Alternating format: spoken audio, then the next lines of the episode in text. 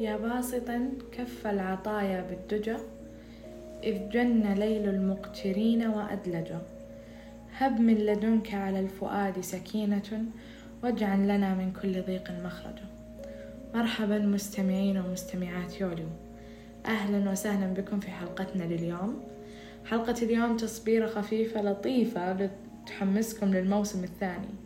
وللأمانة حلقة اليوم اختصيت فيها طلاب وطالبات المرحلة الثانوية وأيضا طلاب السنة التحضيرية. هذه الحلقة سجلت قبل بداية الاختبار التحصيلي بثلاث أيام. تعرفون الطريق اللي تحسونه ضاق فيكم وللأبد؟ تحسون إنه ما هو بلكم ولا يعنيكم. أحلامكم وطموحاتكم اللي بنيتوها طول هالسنوات. سؤالي اللي أوجهه هل بتسمحون لها تختفي؟ وتهب مع هبوب الريح وتمشي؟ بسبب الخوف والقلق والتوتر؟ لا تخافون. هالطريق الملتوي خلق لأجلكم. انتو سعيتوا وبتوصلون. كلنا نعرف ألم الانتظار وصعوبته ونعرف خوف وقلق الرفض بعد كل هالتعب. لكن كيف نخاف ونقلق ونتدخل في غيبيات الله عز وجل؟ بل كيف نسمح للكم هذا من المشاعر السلبية أنه يسيطر علينا وتخوفنا وتمنعنا من شعور الاستمتاع بالمرحلة اللي إحنا فيها؟ أحب أقول لكم إن الله رب العالمين ما يغرس فينا الرغبات والطموحات عبث ما يخلينا ندعي بشيء ويحرمنا منه. لأن ما علق العبد آمالا بخالقه إلا ورآها كضوء الصبح مبتهجة. أعرف تماما مرحلتكم وصعوبتها لأن ببساطة الليالي اللي بكيت فيها من شدة الخوف إلى أن علقت محاليل المستشفى في أوردتي أهلكتني. لكني بلحظتها أتاني اليقين أن ما هو لي ولو مرت دهور الدنيا كلها سيبقى مقدر لي لا مفر منه. وأن ما لم يكتب لي لو سيجري أمامي كمياه نهر لن أحصل عليه. أعزائي المستمعين أعرف أنكم تنتظرون تضحكون وتنتهي كل هالمشاعر السلبية اللي تحاوطكم من كل جهة.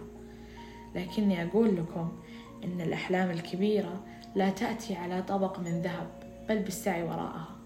وأن الكمالات لا تنال إلا بحظ من المشقة ولا يعبر إليها إلا على جسر من التعب. وهذا قانون قانون كوني قد يكون بالنسبة لي. إن قمة المتعة تأتي بعد قمة من التعب. وسبق وسمعت أحمد الشقيري يقول إنه متى تشعر بأقصى مراحل استمتاعك بالأكل؟ بعد شعور جديد شديد بالجوع.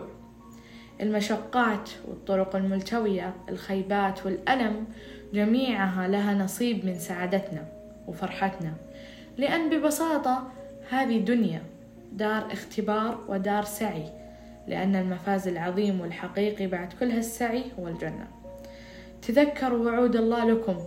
تذكروا قوله تعالى وأن ليس للإنسان إلا ما سعى وأن سعيه سوف يرى ثم يجزى الجزاء الأوفى وقوله تعالى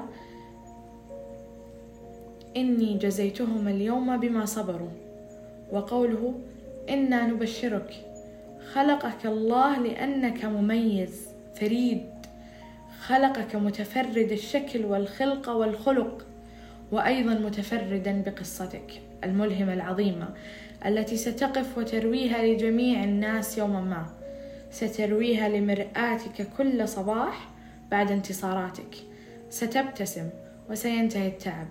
ستصل وترى أن لذة الوصول ترمم جميع ندباتك وجروحك. سترى أحلامك تشع كشعاع صباح بعد يوم ممطر.